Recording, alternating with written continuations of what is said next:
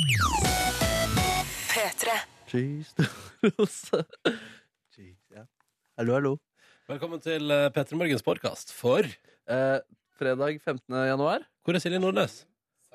Å ja, der var Kåren òg. Hei, hei Kåren. 2016. Der er. Eh, nå roter jeg med spakene. Sånn. Jeg vet ikke hvordan det er. Kanskje hun er på toalettet? Hun er sikkert på toalettet. Men hun kommer i god tid til bonusbord. Følg med.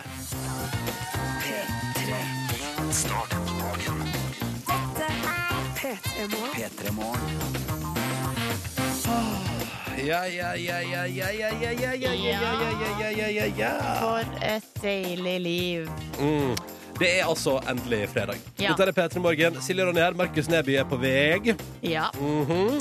Eh, og vi skal ha altså nydelige timer sammen denne siste ukedagen før helga kommer og tar oss. Og vi skal kose oss maks. Vi har faste tradisjoner, vi har ting vi skal innom, vi har opplevelser som skal oppleves, osv., osv. Masse musikk. Ikke minst. Ja. Og så tror jeg vi skal komme litt fort i gang, fordi i dag vi pleier å ha et tilbakeblikk eh, nå mellom seks og halv sju eh, til noe som skjedde i går. Og i dag har jeg så lyst til å ha med eh, begge delene, eh, der Markus Neby møtte altså ei levende legende. Det var et episk øyeblikk, syns jeg. Stort. eh, mange minner fra min barndom. Vi snakka om Harald Mæhle. Jeg sa det. Det var greit, det. Det var det du la opp til. Det var det jeg la opp til. Ja. Og det var så fint, og det var så vakkert. Og Derfor synes jeg vi skal høre begge deler. Så jeg tenkte at hvis vi bare kommer litt sånn fort i gang, så rekker vi det. Ja. Ja, ja, ja, Men da gjør vi det. Ja, ja, for vi må jo passe på at vi er sånn relativt i tide til vår faste tradisjon. Å, så absolutt. Halv sju, det er bare helt så klar. Og hvis du vil si ifra om hvordan det går, fortell oss hvordan fredagen er. P3 til 1987. Eller benytt Snapchat. NRK P3 Morgen er vårt navn der. All right, velkommen til radioprogrammet vårt. Og da vet vi jo hva som skal skje. Fast tradisjon. Ja, for du, du, du vet hva som skal skje nå, Markus? Jeg vet absolutt hva som skal skje da. Eh, Jeg, jeg blir bare plutselig usikker på rekkefølgen, om det er låtbingo eller Oppa Oppa. Men jeg vet jo at Kødder du? Nei, jeg, I alle disse år. Og så er du usikker på rekkefølgen. Er du klar over hvor mye ting jeg er usikker på, eller? Nei, vi har en viss anelse. Nei, jeg tror ikke vi vet dimensjonene. Uh, Fredagslåtbingo kommer straks. Uh, det er en tradisjon jeg setter veldig pris på. Men først en annen tradisjon som jeg setter veldig pris på. Har fått litt ny eh, Hva skal man si? Etter at vi prøvde å framføre den her live eh, før jul, så har jeg på en måte fått mer respekt for melodien. Å, sier du det? Ja. Du har satt deg hardere inn i håndverket, og da forstår du mer hvorfor den funker? Ja, det, det, det vil jeg si det. Og ikke minst det språket der. Det er jo helt umulig. Altså, det er Ja, jo så han er jo, det er veldig imponerende at de får det til. Ja, ja. Det var det du mente. Ja, det var det jeg mente. uh, og ikke minst, eh, det tenker jeg, og, jeg tenker, og, og for også en tanke til Det er gøy at vi har en fredagslåttradisjon eh, som vi har holdt på med i flere år, som jo kanskje er noe av det minst allsangvennlige i verden. Kan ja, det ikke, du kan ikke gå og dra den her på karaoke, liksom. Akkurat refrenget fungerer. Ja. Men, Starten av det, ja. ja. Oppa Oppa, ja, det er jo ingenting som er lettere å rope enn akkurat det. Hva sa du? Det er ingenting som er lettere å rope enn akkurat Oppa Oppa. Oppa Oppa. Det er jo babyspråk. Altså sånn på norsk, er det ikke det? Ja, kanskje det. Veldig allsangvennlig, i hvert fall. Så eh, sleng deg med, da, kjære lytter. Ja, og så vil vi høre fra deg. Eh, Kodeordet P3, nummeret 1987 på SMS. Hvem er du, hvor er du? Hvor elsker du at det endelig er fredag? Eller send oss en snap til NRK P3 Morgen. Markus Neby er moderator. Og så er det jo alltid ekstra stas hvis du vil dele gleden din over fredagsfølelsen på Instagrams. Hashtag P3morgen. Det er bare kjør på. OK, da kjører vi. Er dere klare? Ja! Ja, nå kommer han altså!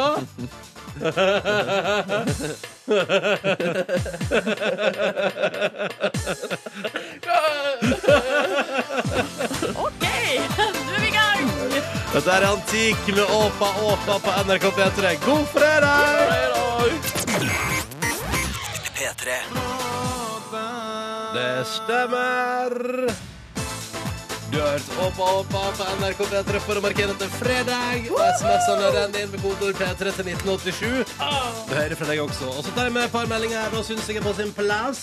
Sånn som Skanska-guttene, som altså kjører opp og opp hele veien til Mandal. Woho, fredag! Ja, ja, Og så har vi skal vi se, Tony som skriver Å, jeg fikk gåsehud av Åpa Åpa. God helg! Han er tidlig ute med god helg, da. ja, ja, ja. Ja, God fredag. Og så liker jeg den der, jeg bare tar med det der fra Lastebilrunar, som har jeg mener, et nydelig budskap i sin tekstmelding. Endelig fredag, bare ti timer, så skal jeg hjem og drikke øl. Oh, det høres ut som en drøm. Tufsar på Snapchat skriver at han må sitte litt ekstra i bilen for å høre ferdig Oppa Oppa. Og den deilige fredagsstemningen det gir ham.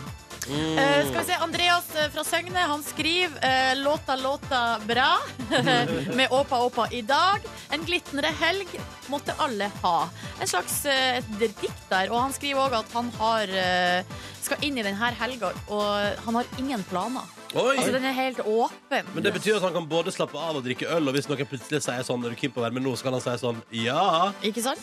Det er noe Eh, kan gjøre finnes. hva han vil. Det er perfekt. ass. Wait for it. eh, 286. Det er kallenavnet på Snapchat. Han har også en eh, Han har ikke en åpen helg, fordi han gleder seg i kveld. Da skal han på julebord med kriminalomsorgen. Uh!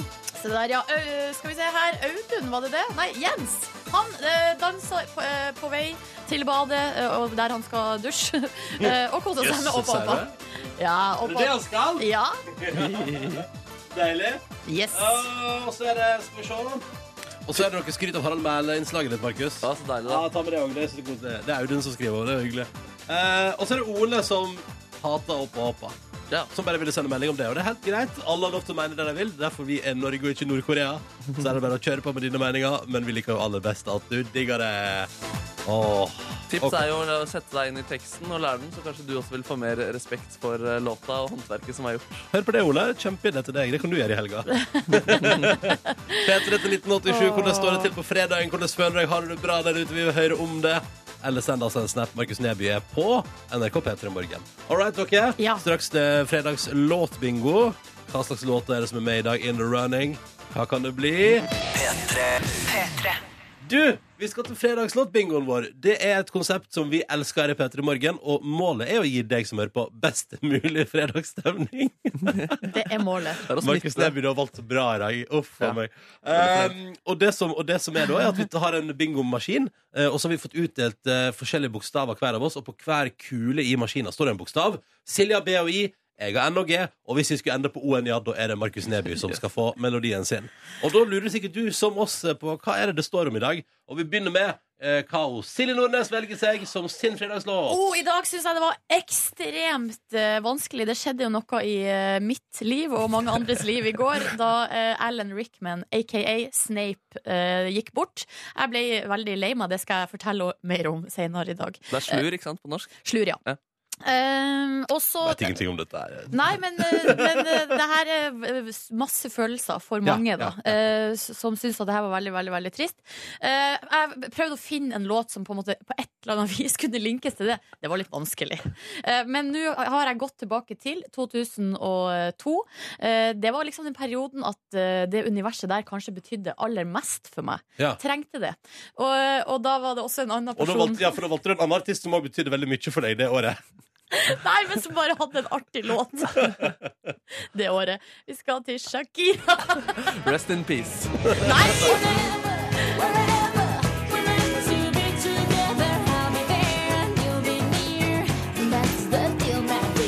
Altså, Oh, yeah. Unnskyld meg, men den låta her Den er altså episk. jeg bare Den er sier det. bra, den, ja. den er helt episk. Er du Og gæren? eh, den betyr også mye for meg i 2002. Den cruiset vel toppen på VG-lista en rimelig seig stund der. Må den ha gjort. Det må ha gjort det. Apropos folk som har gått bort. Jeg følte at det var helt naturlig å velge seg noe David Bowie i dag. Og da var jeg innom liksom flere av de uptempo-låtene, og kanskje det mest logiske valget var jo en viss danselåt. Men så tenkte jeg nei, denne vil jeg ha.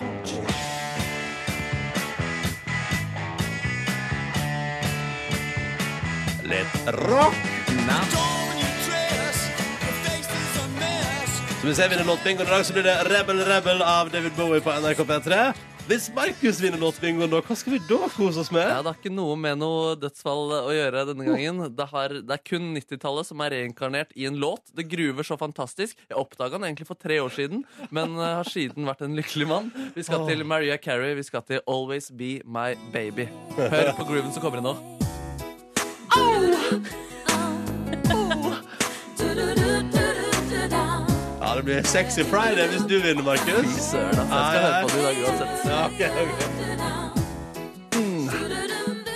Ok, Da skjønner vi litt hva det går i hvis Markus vinner. Ja, ja. Til å kjøre og være bingooperatør har vi fått inn vår produsent Kåre Snipsøyer. Hei, hei. Hei, Kåre. Prøver å være, skal prøve å være upartisk selv om jeg holder en knapp på Markus. Yeah! Det er bra å si det før du begynner. Ja, Det er veldig ryddig, da. Spiller med åpne kort. Prøv å være skikkelig objektiv her, selv om jeg har en veldig trua på den ene låta. Yes. Uh, ok, men Kåre, kjør maskina, da.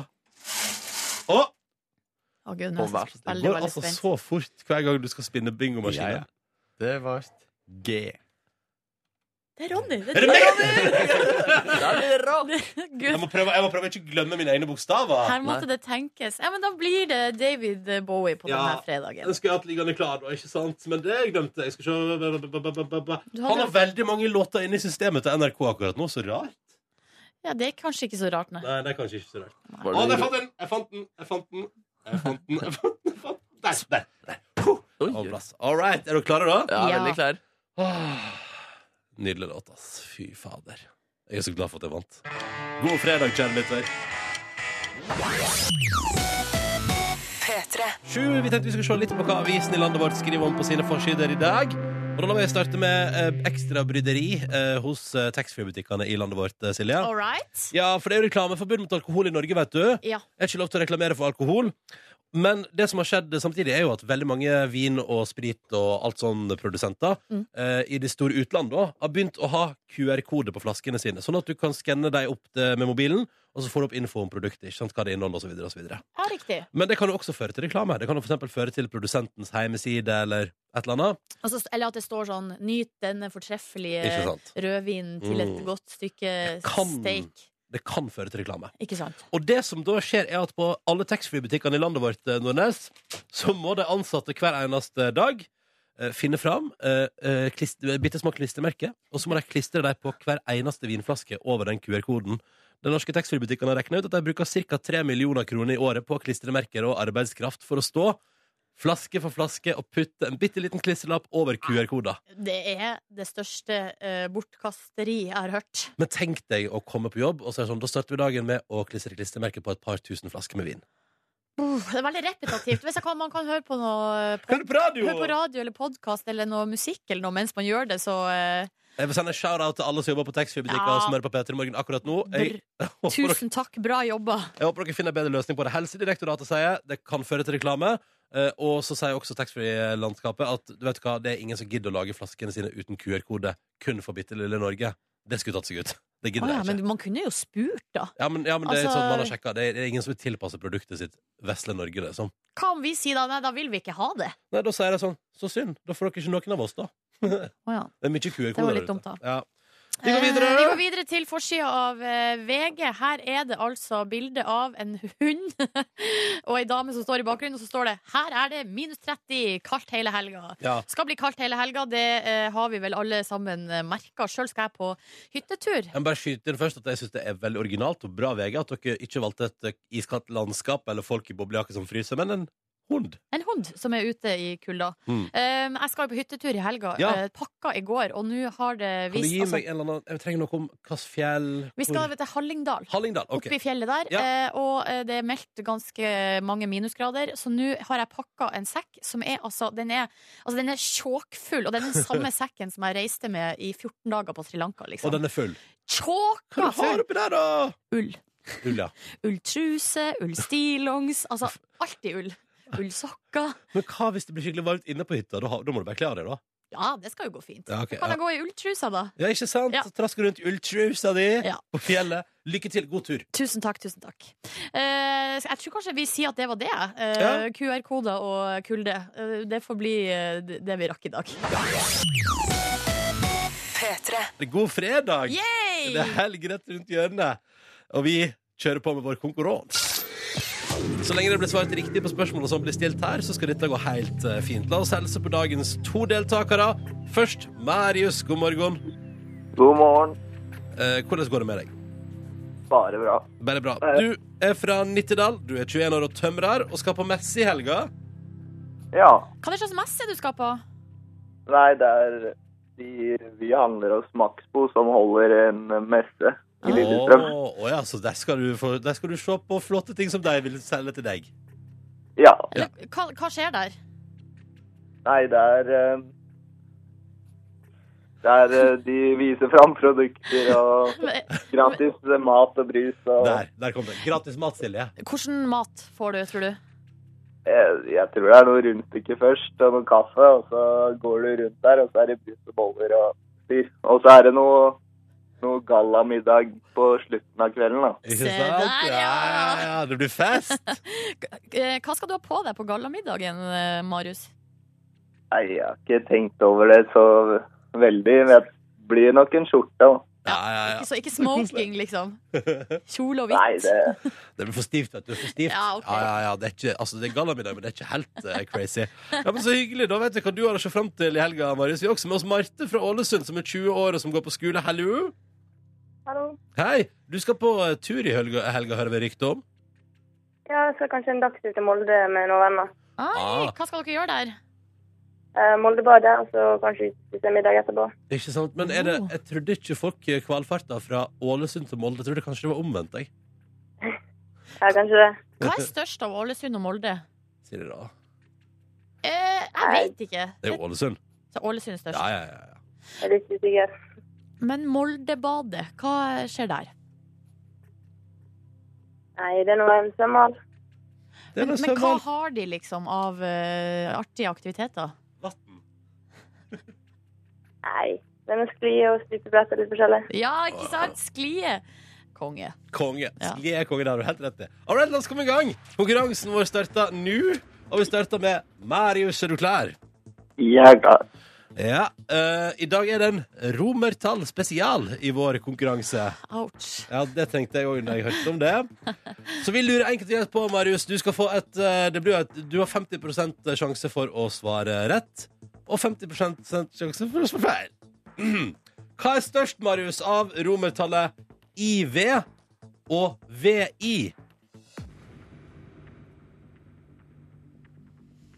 Eh, Spørsmålet er hvor plasserer du V-en i forhold til I-en? IV eller VI? Hva er størst, ja? Du må ha et svar. eh, det er eh, vel Vi må ha et svar. Vi må ha et svar! Tre. VI. Sa du VI? Ja. Det er riktig, det. Yay! Der kommer du gjennom, Marius. I dag er, det, er dommerne i fredagshumør, siden Ja. det er litt sånn lang tenketid i dag. Ja, ja, ja. Marius, du gratulerer. Vi går videre i konkurransen. Du fikk dette til. Og nå er det din tur, eh, Marte. Er du klar? Ja. Hva er romertallet, Marte, for tallet tolv? Tolv. Tolv. Romertallet for tallet tolv. Å ja. Um, Holdt jeg på å si svaret. nei, Tre Hva sa du IV. IV er dessverre feil. I V er fire, faktisk. Mm. VI var seks. Romertallet for tallet tolv er X, og så to i-er, da, eller strek, strek. X er strek, strek. X, strek, strek. Ja, det blir sånn 10 pluss 2, da, Ja. på et vis. Mm. Romertallet. Det er tricky der. Hva er vitsen med å kunne det? Spør jeg i 2016. Eh, Marius og Marte, det var hyggelig å ha dere med og prate med dere begge to. Marte, kos deg på eh, Moldebadet. Håper det blir plasking og hopping. Eh, og Marius, kos deg på gallamiddag, da, mister. Jo, tusen takk. Vi satser på at du får servert den deiligste mat, og at det blir et show. ha det bra, begge to. Ha det! Ha det bra. Ha det. Sånn er det vet du, i konkurransen vår. Av og til går det, og av og til går det ikke. Ja, sånn er det. Jeg er, jeg er egentlig litt glad for at du ikke kom helt igjennom. Fordi at Hvis jeg skulle svart på noe romertallkjør, hadde det ikke gått. vet du, Nordnes. Tror du ikke det? Hadde ikke gått, vet du. Plutselig så kan du mer enn du er klar over. Da jeg skjønte at man kunne skrive tall som vanlige tall, 1, 2, 3, 4, 5, 6 osv., da gadd ikke jeg å sette meg inn i romertall Når skjønte du det igjen? før jeg visste hva romertall Ikke var. sant? Ikke sant? Markus har kommet inn i studio. God morgen, Markus. God morgen, da. Ja, ja, Ja, ja. ja, ja. Fra før av sitter jeg og Silje her. Ja, ja, ja. Ja, ja, ja, Det er deilig. Hei, Hva er- er romertallet for tolv, Markus? Eh, X, og så er det to i-er. Se der, ja. Ja. du kan det du da, Markus. Så flink du er, Markus. Var det til konkurransen dere akkurat hadde? ja. Ja, nemlig. Men hva er størst av IV og VI? VI. Ja, du, hvorfor kan du så romertall så godt? Er ikke det ungdomsskolekunnskap? Eller det vet jeg at det er, faktisk. Men det er mye, det er mye ungdomsskolekunnskap man glemmer i løpet av eh, årene. I løpet av et liv. Folk er forskjellige. Ikke vær kokk i denne, da. Dere, dere legger kanskje merke til at jeg har på meg et grønt skjerf i dag med grå striper. Jeg hadde ikke merket det, nei. Nei, men eh, det har jeg nå i hvert fall. Ja. Eh, Og det er eh, mitt uh, Slytherin-skjerf. Uh, ja, det stemmer. Fra uh, Harry Potter-universet. Det er liksom et av husene da der på Hogwarts School of Witchcraft and Wizardry. Oh.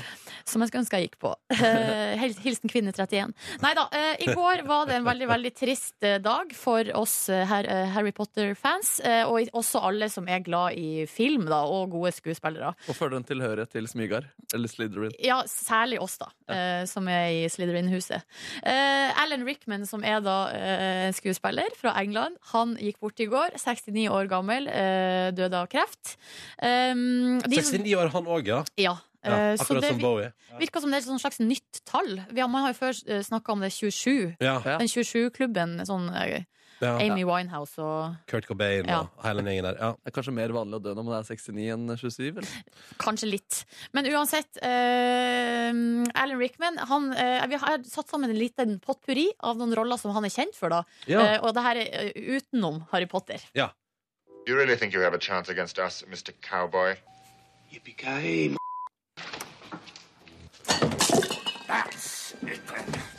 Cancel the kitchen scraps for lepers and orphans. No more merciful beheadings. And call off Christmas. Whatsoever from one place doth fall is with the tide into another broad. For there is thing lost that may be found. Det her var altså Die Hard, der han er Hans Gruber. Og så er det fra Robin Hood. Og så var det fra Å ja, Hans Hans Gruber! Ja! Og så var det fra Fornuft og eh, følelser. Så hør den stemmen på han. Altså En helt sånn fantastisk stemme. Um, uh, men så er det jo da det Harry Potter-universet. I går jeg må bare si at Da jeg fikk, eller, eller hørte nyheten, så var jeg på Oslo S. Da begynte jeg å gråte på Oslo S i en smoothie-kø. I en smoothie-kø. Sånn går det når du leser på mobilen i smoothie-kø. Eh, og så eh, var det en liksom ny liten runde på, vei, på bussen på vei hjem. Eh, og så kom jeg hjem, og så ble, altså jeg, var, jeg var helt knust i går. Jeg ble så lei meg. Jeg var ikke forberedt på at det skulle skje i det hele tatt. Ja, det er lenge siden du har vært så eh, aktiv på alle sosiale plattformer som det du var i går. ja. Det var både Snapchat, Instagram og Facebook, la jeg merke til. Ja, det var på alle plattformer, Mm. ja. Stemmer. Eh, Jeg måtte legge ut et bilde kjapt, med, og jeg bare, ja, jeg bare følte så behov. Eller sånn, det var, jeg måtte, altså ringte til begge brødrene mine. Han ene hadde jo bursdag, vel å merke, så, så han Uff, så trist nyhet å få på hans bursdag, da. Nei, jeg sa gratulerer med dagen først. Okay, ja, ja. det var jo litt trist da Og så måtte jeg ringe til han andre broren min. Vi hadde en lang prat om uh, det her og hvor trist det var. Jeg sa jo sånn Jeg har grått masse, og han bare Ja eh, OK. han hadde ikke gjort det, da. Uh, men vi prata lenge om hva uh, Snape da betydde for oss. Og så sa broren min, min minste bror at, den, for at Snape er jo da Han var jo da en bad Altså han var, en, han var den slemme gjennom hele filmen. Spoiler alert, på slutten kommer det fram at han, er, han har vært snill hele veien. Jeg visste det hele veien. Jeg visste at Snape var snill. Og da sa lillebroren min uh, at den tida der, altså før man fikk vite at han var snill, da, det var den vanskeligste tida for han å relatere til meg som si søster. Men så da når vendepunktet kom, og man fikk vite at han var snill, da eh, kunne han igjen Oppnå kontakt. Ja. Hva har vært hardt for han. Det må, må ha vært veldig hardt. Du, jeg, jeg har jo noen Harry Potter-klipp òg, vi må høre på de. Eh, Det her var jo det jeg, jeg så, så på klippene om og om, om igjen i går. Og så måtte jeg se hele Deathly Hollows Part 2-filmen før jeg kunne få det her ut av systemet. Yes. I'm the half-blood prince. You've kept him alive so that he can die at the proper moment. Don't tell me now that you've grown to care for the boy. After all this time. Always. Å, jeg blir så lei meg! Jeg blir virkelig lei meg, ja. Fordi han var så Jeg vet ikke hvordan han var som person, men jeg er sikker på at han var kjempesnill. Han må ha vært veldig snill. Snape var i hvert fall veldig snill. Han fortjente ikke det han fikk på slutten. Kondolerer da, Nordnes. Tusen takk. Kondolerer. Ja. Og, jeg, eh, og jeg bruker aldri å harselere over når folk blir lei seg over at andre dør. Det vil jeg bare ha sagt. Eh, men og, og, for at det har, jo- har vært, det har jo vært diskusjoner om det var sånn, er lov å vise masse følelser for at David Bowie dør. Ja, det er lov. Selvfølgelig. Folk det som også- betyr, ja, men altså, det mener jeg. Når folk Ja. som betyr noe for deg, dør, så er det trist. Ja, det er trist. Om de så er superstjerner eller i nær familie. Ja. Sånn er det bare. Sånn er det bare. Eh, kondolerer, Nordnes. Tusen takk. Kanskje det er nå jeg skal se Harry Potter. I Nå har jeg jo spoila det litt for deg, da. Eh, Men eh, Ja, det hørtes sånn ut. P3. Det er Peter Morgen, det er fredag, det føles godt. Helga er i anmarsj. Du skal bare gjennom en siste dag på skole eller jobb først, kjære lytter, og det kommer til å gå så fint. Og så er det jo bare å, når ting blir trådt i dag, tenke på alt det deilige du kan gjøre når fritida kommer og tar deg i ettermiddag. Mm. hva slags planer har du da, Ronny far? Eh, Avslapping, rolig helg. Eh, Kjæresten min kommer til hovedstaden. Vi skal mm. henge sammen. Det blir veldig hyggelig. Eh, og i dag Jeg ser for meg fikk- Hva ser du for deg? lasagne, kanskje. Hva betyr det? Vi får se. Men vi får se. Helga, det er deilig med sånn åpen helg, med det eneste ønsket er jo at det blir avslapping. Ja, Markus, du rekker handa i Ja, været. til lasagnen har du sånn at du får en sånn smak i kjeften, og så kjenner du at nå har jeg lyst på den smaken i min mage. Ja, akkurat nå fikk jeg det. Og så har jeg lyst til å ha lasagne liggende Jeg har jo alltid, Det syns jo min kjæreste er rart, men jeg har vokst opp med tradisjonen om at du tar ei brødskive, og så legger du et lass med lasagne oppå, og så eter du det sånn. Det Ja. syns jeg er veldig rart. Du har ikke noe forhold til brød og lasagne? En, en, godt, en godt rundstykke ved siden av kan jo være deilig, men det er Ja, er men det er et varmt rundstykke med litt smør eller noe ja. ved sida av, ja. Men dere, har, Eh, så dere bruker ikke brød til? Jeg bruker ikke lasagne som pålegg, nei. vi, kan, vi kan godt ha litt brød, noe sånn olivenbrød eller foccaccia eller noe sånt, men ikke ei brødskive. Det her synes jeg er interessant, Ronny, for jeg har jo tidligere fortalt at en ekskjæreste av meg, altså familien der, de brukte ris til lasagnen. Ja. Og da mener jeg at du er en av de som har vært eh, mest på den eh, stilt spørsmålstegn ved det. Så viste det seg mange år etterpå at du spiser lasagne på brødskiva. Hemmeligheten er avslørt. Ja, men, Er det kneippbrød, da, Nei, det er samme hva slags brød det er, men det må liksom, jeg føler at det må være noe brød til. Ja, til, men det blir noe annet enn at, man, at, brød, at lasagnen alltid skal ligge opp. brødet. jeg, prøver, jeg, prøver, jeg prøver å etterstrebe det, for det syns jeg er digg. At Ja. lasagnen ligger oppå Syns dere det er så rart? Og syns du det kan måle seg. Syns du det kan måle seg med å blande pasta og ris? Ja. ja, det syns jeg. Absolutt. absolutt, Jeg støtter Nordnes her. Ja.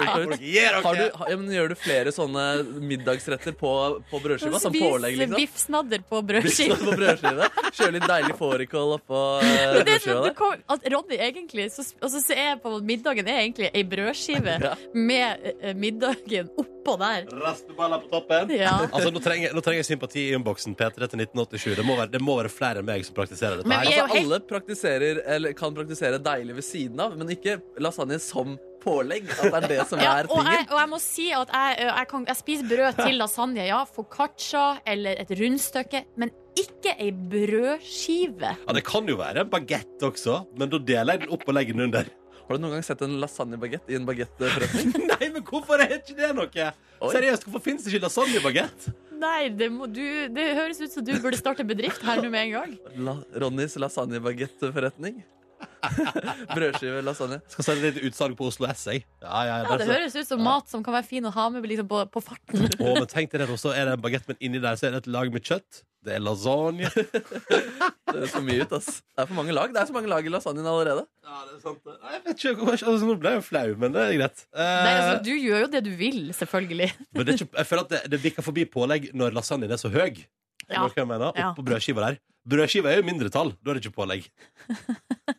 Jeg vet ikke om jeg skjønte det resonnementet der, jeg. men jeg respekterer deg og din eh, familietradisjoner. Altså. absolutt. Det skal være klart. Straks ukas overskrifter med Silje Nordnes her på NRK P3. Mhm. Gudmøren. Og det har rent inn med eh, reaksjoner og innspill på den diskusjonen vi hadde i stad om eh, lasagne på brødskive. Kan bare, bare rydde opp i én liksom, liten ting, for både jeg og Markus er helt for brød. Brødmat, altså hvitløksbrød, bagett, eh, rundstykker, loff til lasagnen. Brødskive for den saks skyld også. Men det var den der med at, brødskive, at man skulle ha lasagnen oppå brødskiva. Det var vel det vi reagerte på, at det er liksom et must for Ronny. Men det virka som at det er veldig mange som er på ditt lag, Ronny. Håvard for eksempel, legger alltid ei loffskive under han, og så Ja. spiser han med kniv og gaffel. Det gjør jeg òg. Det er digg. Og her uh, står det rett bak til Ronny Hvitløksbrød passer til alt, står det her. Ja. Og så er det veldig mange som sier at det også funker helt konge med brødskive og gryterett. Her står det ris til lasagne er jo helt fantastisk. Er det en som kasta inn her i debatten, da? Brødskive derimot? Prikk, prikk, prikk. Ok, Så da er det ris som er logisk. Ja, ikke sant? Nei, skal vi eh, gå videre, eller? Ja. Jeg føler, men jeg føler Tusen takk for ekstremt mange tekstmeldinger! Dette har engasjert eh, det norske folk, og det flesteparten av SMS-ene er enig med meg at det er lov. Greit. Notert. Eh, Vi, Vi går, går videre videre! til ukas overskrifter. Uke to! Og eh, jeg bare går rett på til eh, ukens første overskrift. I dag har jeg valgt ut to. Har ikke koka så mye denne uka, må jeg si. Altså.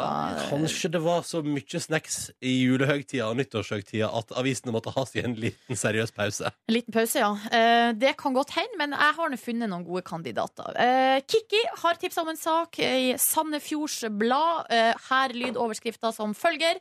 Hønsehauk spiste kråke til middag i Fasanveien. Ja, og det er Det var flaks at det var akkurat der det skjedde. ja, ikke sant? Eh, og det er altså Geir Gjermundsen som har fått eh, besøk av en hønsehauk på eh, verandaen sin. De kom hjem fra fotballtrening, og der vet du, blir de sittende i bilen og se på at en hønsehauk rett og slett bare spiser i seg en deilig middag i form av ei kråke. Og alt det her foregår da i Fasanveien. Så Yes. det var jo litt sånn artig tilfeldighet. En hønsehauk? Hva er det egentlig? Altså, er det en hauk som Det er sånn rovfugl. Det heter hønsehauk. OK, yes. Ja. Sikkert fordi den har tatt alle hønsa opp gjennom tidene. Å ja, det er sånn det fungerer. vet, jeg veit ikke. Nei, jeg vet heller ikke. Da går vi bare videre. Vi går videre. Jeg er ikke så god på uh, og uh, Vi går fuglefauna. Kik- Nei, Thea Margrethe har tipsa om følgende sak fra Harstad Tidende, og her, vet du, står det Da Jens åpna lokket på denne to år gamle cottage cheesen, fikk han seg en stor overraskelse. Kan jeg gjette hva overraskelsen mugg? Ja, eh, Ronny gjetta mugg. Jeg gjetter et eh, jobbtilbud. Hmm, interessant gjett, eh, fordi han fant faktisk eh, denne boksen med cottage cheese på jobb.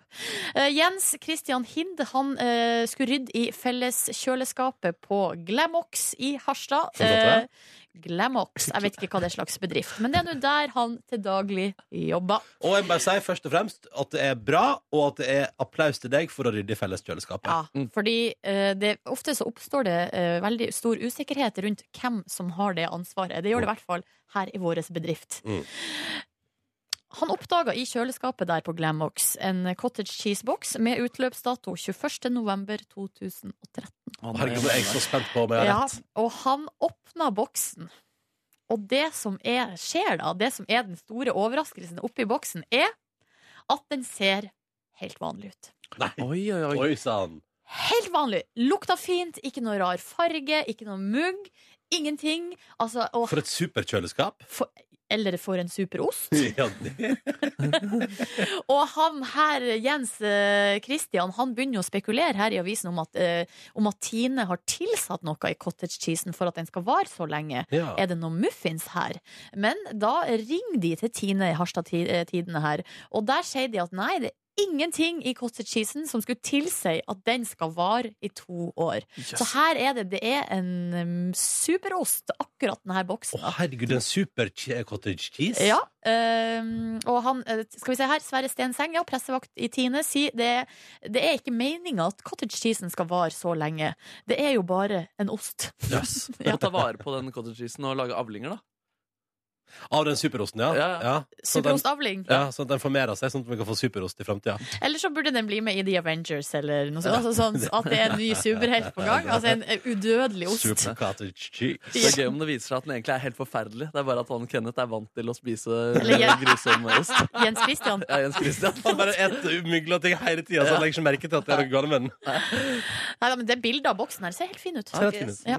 Nei, men dere, Det var ukas overskrifter denne uka. Eh, Kikki og Thea Margrethe de får en premie i posten for sine tips. Eh, hvis du kommer over i artig overskrift, så er det silje.nordnes krøllalfa nrk.no. P3. Alan Walker og Faded på NRK P3, fire minutter på åtte. Jeg liker denne tekstmeldinga her som er kommet inn, Silje og Markus, der det står Ronny, du har helt rett. Ikke hør på Sjøsamen og Østlendingen. Skjeve til lasagne må til. Ja, ja, greit. Vi har også kommet masse eh, informasjon her om at på Karmøy, og også i Grimstad, der er det, finnes det noe som heter snadderloff. Snadderloff! Som er altså da eh, rett og slett en bagett med lasagne. Så det her produktet finnes allerede. Eh, på, her står det eh, på samtlige mikskiosker på Karmøy kan man få kjøpt noe som heter snadderloff. Ja. Så rett og slett. Og den er nam-nam. Det er mye rart der ute, ass. Alt, og her står det òg alt gryterettbaserte konge på brødskive. Og står det her Klarte Klart det da fersk loff under lasagnen. Smilefjes. Det er det Einar som skriver. Ja, greit. Altså, jeg skal ikke si nei takk til litt ekstra karbohydrater, jeg heller. Men, men da, det stiller krav til brødet som skal til. Ikke, altså, ikke kneip vanlig brødskive. Det blir ikke bra nok. Jo, altså her, for eksempel, her står det fra Kristina. Ja. Jeg bruker brød! Innsjå fakta! Ja, altså, vi har, det har vi sagt. Vi er glad i brød ved siden av lasagnen. Vi snakker om at Ronny har, bruker dette som pålegg. Det er det som er spesielt her. Er Lasagne sikkert- som pålegg. Ja, det er sikkert flere som gjør det. Men, ja. Ja, men det er god respons. Men vi har snakka om så mange tema i dette programmet. Sjelden fått så mye respons som det her lasagne som pålegg-tema. Ja, det er helt enormt hvor det engasjerer. Men kan ikke vi bare oppsummere og gå inn i helga med at hvordan enn du vil spise din lasagne i helgen, så er det helt innafor. Ja. Alle er like mye verdt. Bra, Markus. Det er sant. det er sant Silje og Markus, Ja. i neste halvtime av Peter Morgen så skal jeg arrangere en intern konkurranse i vårt radioprogram. Oi! Dere to skal kjempe mot hverandre, og i posten er det gourmetkaffe fra kaffekiosken på NRK. Søren, jeg får killer instinct med en gang. Og kanskje en liten, eh, et lite flakslodd i tillegg. Oh, og jeg spanderer. Wow. God morgen og god fredag. Så hyggelig at du hører på. Dette er P3 Morgen. Silje Nordnes drikker akkurat nå litt vann. Markus Neby sitter her og drikker litt kaffe. Og jeg som heter Ronny prater. Radioen. Nam-nam. Dere, Ja. er dere klar for at jeg skal utfordre dere to til en liten innbyrdes konkurranse som jeg håper dere tar på det største alvor, og det er der litt av konkurransen ligger. Alvor. Ja, det ligger på alvoret. Kjære Ja. Markus og Silje. Ja. Dere vet jo dette, men det kan hende du som hører på, ikke vet det. For tida pågår det en spennende konkurranse her på NRK P3. Juntafil har en erotisk novellekonkurranse gående. Innen tirsdag kan du levere inn ditt bidrag. Altså Oppfordringa er det er så lett å gå hen og se porno. Eh, Så Juntafil oppfordrer P3s unge lyttere til å droppe det og heller prøve å bruke egen fantasi ved Ja. å skrive erotisk novelle. Ja. Fram til tirsdag klokka tolv kan du levere ditt bidrag. Premien er et reisegavekort på 5000 kroner. Det er sweet premie. Absolutt. Så bruk helga på det. Lever inn ei erotisk novelle. Og så er det altså frist på tirsdag. Du leser alt om det på p3.no. Mm. Og på p3.no kan du også lese de to novellene som er kåra som første eller som finalister. Og så kan du stemme på hvilken av de som skal gå videre i konkurransen. Mm. Uh, og så tenkte jeg, for jeg hørte de, på, de ble lest opp på radio i går. Flott, fin stemme som leste. Uh, og liksom ble tatt i det høyeste alvor. Og så tenkte jeg når jeg hørte på Nå skal jeg ha det gøy på Etter morgen. Så etter neste låt så skal dere to konkurrere i å holde lengst i å lese seriøst og med innlevelse fra de to første finalistene i Juntafil sin erotiske novellekonkurranse. Vi skipper det kjedelige og går rett til ligginga. Ja. Og så er det om å gjøre at dere skal holde det Er det grovt, eller? ja, ja, det er det som er gøy. Så til alle som har barn som hører på, eh, etter neste låt kan det bli meget upassende på radioen. Jeg bare sier det. Men det som er clouet, da, Silje Markus For Ja. du, Markus, er en tullefrans. Man vet aldri om du tuller eller er seriøs. Jeg vil ha din bunnsolide seriøsitet og enga at ditt bunnsolide engasjement når du leser erotisk novelle. Du vil jeg etterpå. skal være altså, erotisk og genuint sexy, liksom? Nei, du trenger Nei, ikke du være skal bare Jeg lese. skal Du skal lese skal lese den, men du skal- skal lese den tenk, på en god måte, sånn at lytterne våre, du som hører på nå, får en god opplevelse av teksten som blir lest opp. Silje Nordnes, du skal gjøre det samme, og her er det om å gjøre Og jeg tar tida på dere. Ja. Og den som leverer lengst uten fnising, uten å nøle, uten å bli flau, sånn at det høres ut på radio, den vinner. En gourmetkaffe fra kantina og et flakslodd. Det er lov å lage stemmer og sånn. Altså, Selvfølgelig, altså, ja. Det eneste jeg forventer, Men er ikke tull. ikke tull, men jeg forventer seriøsitet og innlevelse, og at du behandler de erotiske novellene med respekt. Er ikke det en gøy konkurranse?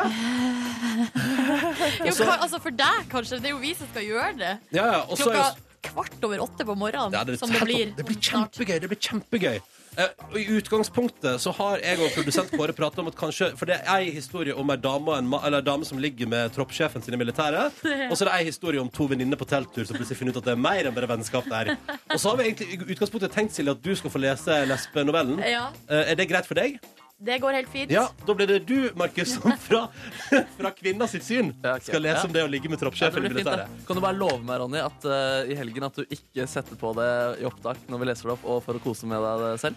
Og vet du hva, Jeg er helt sikker på at hvis det er noe jeg ikke skal sette på, så er det det. Ok, greit. Ja. Men jeg håper jo selvfølgelig, altså målet er jo at dere skal nå underholde våre lyttere. Og om det oppstår spenning der, det er flott. Kjempeflott. OK, er dere klare for utfordringa? Ja. Bra. Etter neste låt altså, så bør alle med barn i nærheten skru av radioen, for da skal det leses erotisk novelle, og Markus Neby og Silje Nordnes konkurrerer i å gi sitt fulle og beste uh, take på disse erotiske novellene. Dette blir kjempespennende. Jeg gleder meg sånn. Og så må jeg bare minne om nok en gang at mm. novellekonkurransen i Juntafil frist på tirsdag klokka tolv. P3. God morgen, kjære lytter. Til alle som har eh, barn i nærleiken, jeg vil bare oppfordre dere til å kanskje skru av radioen nå, fordi de neste minutter på NRK P3, før vi selvfølgelig etterpå spiller to låter på rad, så skal jeg utfordre Silje og Markus i å lese erotisk novelle på best mulig vis. Ja, jeg oppfordrer også gjerne alle i familie til også å bytte kanal, fordi jeg orker ikke å bli konfrontert med det her. Så greit, da vet alle i Markus Neby-slekta at eh, her er det ikke noe grunn til å være. Men til alle andre, nå skal du forhåpentligvis da få en skikkelig bra opplevelse av de to eh, novellene som er plukka ut eh, som de første finalistene i Juntafil sin erotisk novellekonkurranse. Du kan levere ditt bidrag helt til tirsdag klokka tolv. Så ta fram pennen, legg vekk pornoen og skriv med egen fantasi, som to innsendere her har gjort, og har blitt belønna med finaleplass begge to. Og så kan jeg også si at du kan lese vi har, Fordi det jeg har gjort når Markus og Silje nå skal lese opp, er at vi går rett på ligginga. Ja. Vil du lese begge de erotiske novellene i sin helhet, så går du inn på p3.no, og så er det bare å fråtse og kose seg. OK. Hva er konkurransen her nå, egentlig? Om å gjøre å holde lengst, seriøst, med innlevelse. Antydning til fnis, da stopper jeg klokka. Gir du poeng eller noe sånt, eller? eh? Nei, det er rett og slett det er tiden her. Ja. Eh, Men Og det er du som er dommer over hva du anser som uh, useriøst og nøling osv. Ja, og så tenker jeg jo at uh, ikke begynn med taktikken å dra ut tida. For det er så kjedelig. Nei, det er selvfølgelig ikke. Jeg lurer på hvem har lyst til å begynne. Nordnes har lyst til å begynne. Det betyr at Markus Neby skal begynne. Ja, det er Markus Neby som skal begynne. Det er kjip lærertaktikk. Eh, novella heter Roger That. Det handler om ei kvinne som er altså så betatt av sin troppssjef i militæret. Og så går de altså inn på varmestua og sniker seg unna resten av troppen. Og der, sammen i fellesskap, så blir de ett. Markus Neby, du begynner der. Eh, det er grønn strek. det og da sier vi velkommen inn i varmestua. Markus Ah, Neby. Gud a meg. Greit. Og start der. Plutselig befant jeg meg i drømmeland. Klemt mellom veggen og eh, løytnanten. Han så meg ømt inn i øynene før han sakte lente seg mot meg til det kun var millimeter som skilte leppene våre. Tiden sto stille, og det føltes som en evighet før han endelig ga meg det jeg hadde lengtet sånn etter. Det heteste kysset noensinne. Ute var det kaldt, men med denne muskuløse mannen presset mot meg, var jeg varmere enn noen gang. Han puster hardt i øret mitt idet han spør om jeg er klar. Jeg nikker og klamrer hendene om ryggen hans, kjenner at han allerede har begynt å svette. Med en hånd om hver av skuldrene hans kjenner jeg alle bevegelsene han gjør med armene. Løytnanten har klart å fjerne trusa mi på bare noen sekunder. Nesten raskere enn han gjør magasinbytter. Skapte hans Der, der var der, der var stopp. Ah, ah, det var, ei jeg angrer. Var det, ah, Hva er det du angrer på? Det var, det var på skaftet hans til rauk, liksom. Ja, det var skaft... Ja, det var, jeg vet ikke. Du er Nydelig, Markus. Jeg syns, du, jeg syns at du har en god fortellerstemme. Takk for det. Ja, Litt nasal, fin. men ellers fin. Silje Nordnes. Han har jo vært hos logoped. Han har jo vært hos logoped. tross Ja. Silje Nordnes, du skal lese fra novellen Blå det kommer ikke til å gå bra. Vi prøver. Men gi det alt. Gi det alt. Ja, er du klar? Okay, ja. Blå lepper og røde kinn. Det er to venninner som er på tur. Eh, på telttur sammen i skogen. Ja. Eh, og så er det jo sånn da at, uh, at her plutselig oppstår det mer enn bare vennskap mellom disse to Det kan venninnene. fort skje, det. Vi tar vekk peisen, bytter ut med skog, og så sier jeg klar, ferdig, gå. Her skal du få teksten din. Vi går rett til uh, sjølve spenningen. Og jeg sier klar Vent, da. Jeg bare finne fram. Klar, ferdig og gå. Åsa steg av og la seg ved siden av Ellen.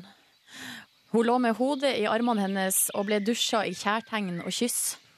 Åsa la press med hånda rett under Ellen sin navle, og to fingre glei forsiktig over kanten på trusa. Ellen skjøt opp hoftene umiddelbart, og Åsa kjente fingertuppene bli dekt av en fuktig varme. Ellen stønna.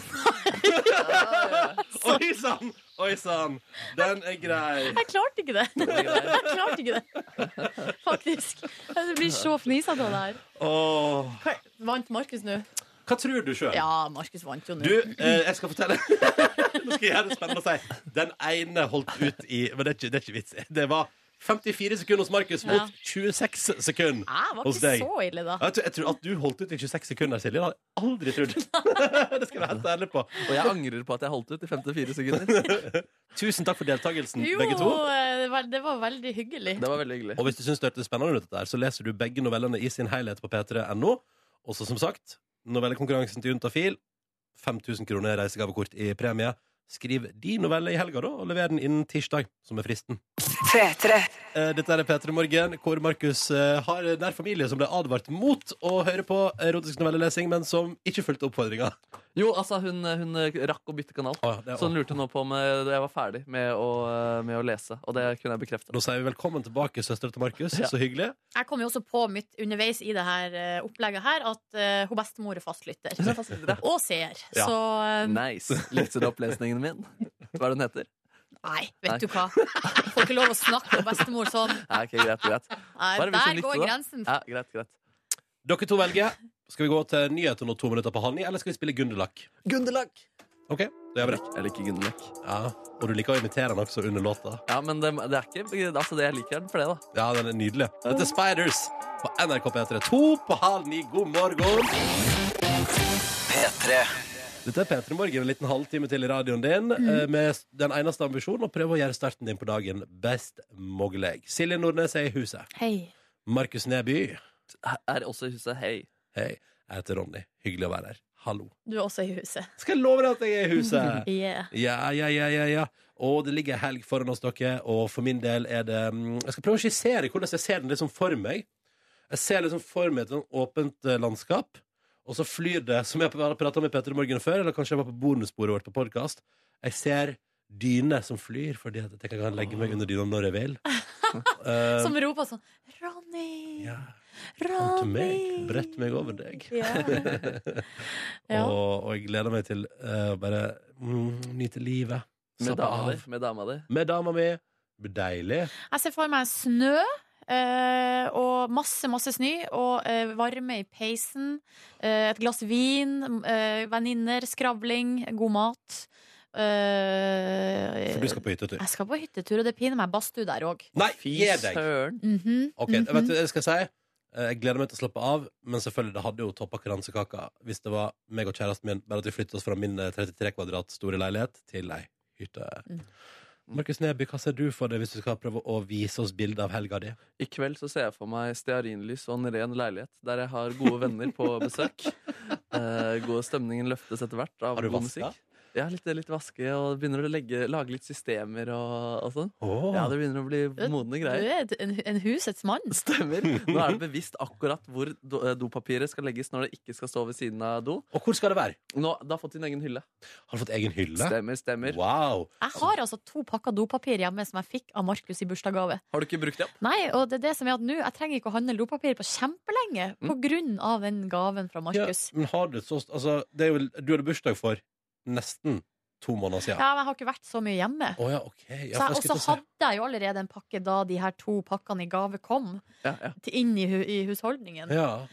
Ja da, så eh, Det skulle bare understreke at, eh, at Markus er en husets mann. Ja, det, definitivt. Definitivt. Det- det Og nå har han også funnet egne hyller til sitt hva? magisk. For et system, Markus! Ja, det, det er et dritbra system. Ass. Jeg har uh, dopapiret mitt lagra inntil vaskemaskina på badet under vasken. Og tenker sånn eh, at det er ikke så mange som fester blikket der når jeg er på besøk. Men er det bra. mulig å oppdage, oppdage de? Eller prøve Ja, det står jo på gulvet, liksom. Det er vel akkurat der man ser når man sitter på do. Ja, kanskje det er det? Jeg tror det. Men, men du vet hva? Det er bra, fordi når man gjemmer dopapiret godt, og så begynner det å gå tomt, og du er på besøk hos noen, tenker du sånn Ja, nei Du, det er her- krise. ja. Hvis man er på do på besøk, og så er det tomt, og så begynner man å lete i alle skapene, og så finner man ikke, og så må man åpne døra og si sånn Hallo! Har du opplevd det? Kom hit, er du snill! Ja, jeg har faktisk opplevd å måtte ha etterlyst eh, dopapir. Uff, den Men, er seig. fordi da er det noen lagra på kjøkkenet, da, eller? Ja, eller i boden. Jeg mener at man alltid skal ha sitt dopapirlager i ekstrem nærhet til toalettet, og sånn at man også da veit Nå begynner det å bli tomt. For eksempel, jeg vet, jeg har en og en halv rull igjen. Så da vet jeg at uh, på, i løpet av helgen skal det investeres sånn at jeg har rikelig. Du er pinadø meg en husets mann, du òg. Ja, er. Planlegg og ordning og reder. Men altså, det er ingenting som bringer mer angst inn i et menneskes liv hvis du oppdager at du, enn hvis du oppdager at du er tom for dopapir. Altså, du gleder deg da, til å komme hjem og sette deg på do, og du er så ekstremt klar for det, og så låser du deg inn i leiligheten, og så finner du at du må på butikken for å kjøpe dopapir. Det er noe av de største antiklimaksene som finnes her i Og så går du på butikken og kjøper kun dopapir, og alle tenker sånn Ja, ja, ja, han skal hjem igjen. Koser seg. Ja ja, Ja, ja. nå har vi snakka Nå har vi, nå har vi dekket det temaet. P3. Og nå i P3 Morgen skal Markus Neby eh, ha ansvaret for innholdet. Ja, jeg skal evaluere deres intellektuelle nivå på radioen denne uka her. Velkommen til Akademisk frokost. Akademisk frokost bli ha-ha. Akademisk Ja, det har vært en god uke for det intellektuelle også denne uken her. La oss begynne med Silje Nordnes, som har eh, analysert, eh, gjort sin egen analyse av nyhetsprogrammer, og oppdaget en liten tendens ved disse. Folk eh, gir intervjuer til eh, TV-reportere etter ting har skjedd. Ja, det, det skjer jo det. Absolutt, og det var greit, at folk kunne få lære det. Silje Nordnes har også avslørt noen litt merkelige eh, dovaner hun har, eh, når hun nå beskriver sin siste eh, skittur på toalettet. Skituren var helt konge. Det var litt baklatte ski, men det var deilig å komme seg ut i frisk natur. Og det er positivt å være friluftsmenneske. Tynt. Det er tynt, det Enig, der. enig. Ja. Takk for at du sa, det Martin. Men hvis du vil legge godvilje til, så var det en te der. ja, ja, ja. Eller det er det uansett. Men at, ja. Ja, I kjelleren din, Ronny, så har du mange barn som, eh, som trener 18 timer i døgnet i håp om å bli radioprogramleder en dag. Du pusher de, du pusher de ekstremt hardt. Og selv når de klager på kulde, eh, så kommer du med pågangsmot og sier ifra at det bare er å stå på. Hei, alle barn. Det blir ikke kaldt før det bikker 30 minus. Jeg syns du er litt hard med dem, men det kan være greit. Vi får jo ofte nye kolleger inn i, inn i, inn i P3-systemet. Mange nye folk å forholde seg til. Og eh, Ronny, du har prata en del denne uka her om hvordan man kan hevde seg over dem. Sette standarden, vise at du er eh, sjefen. Eh, Og når du skal vise at du er høvdingen her, så sier du blant annet dette. Jeg har en svær bolle langt inni skapet mitt der det står chips. Da føler det seg mindre, Daniel. Og så kan du videre, videre så kan du tøffe deg med dine store, store ambisjoner her i livet. Jeg har lyst til å bade med babyelefanter. Og da kan de også la seg imponere. Videre så kan du også tøffe deg med å briljere med å si eh, navnene på ting som er i din umiddelbar nærhet. Her er det en ananas og en appelsin og en lime og noe sitron og noe appelsin. Ja, da, Bruse med fjæra, brus med fjæra. Og går du tom for ting rundt deg, så kan du begynne å ramse opp litt dyr. Hest og en hund og en katt. Veldig bra. veldig bra Men eh, det, det mest ufine du har gjort, eh, Ronny, når du skal hevde deg overfor nye ansatte, det syns jeg ikke er greit. Du gjorde det på meg en gang eh, også. Det er at du går opp på dem når, når de er på pissoaret. Du sniker deg bak dem, og så sier du det her. Og der var det en liten tis. En liten tis. Og det syns jeg ikke noe om, Ronny. Eh, Så det betyr at dere verken får belønning eller straff denne uka her. Vi fortsetter eh, som vanlig.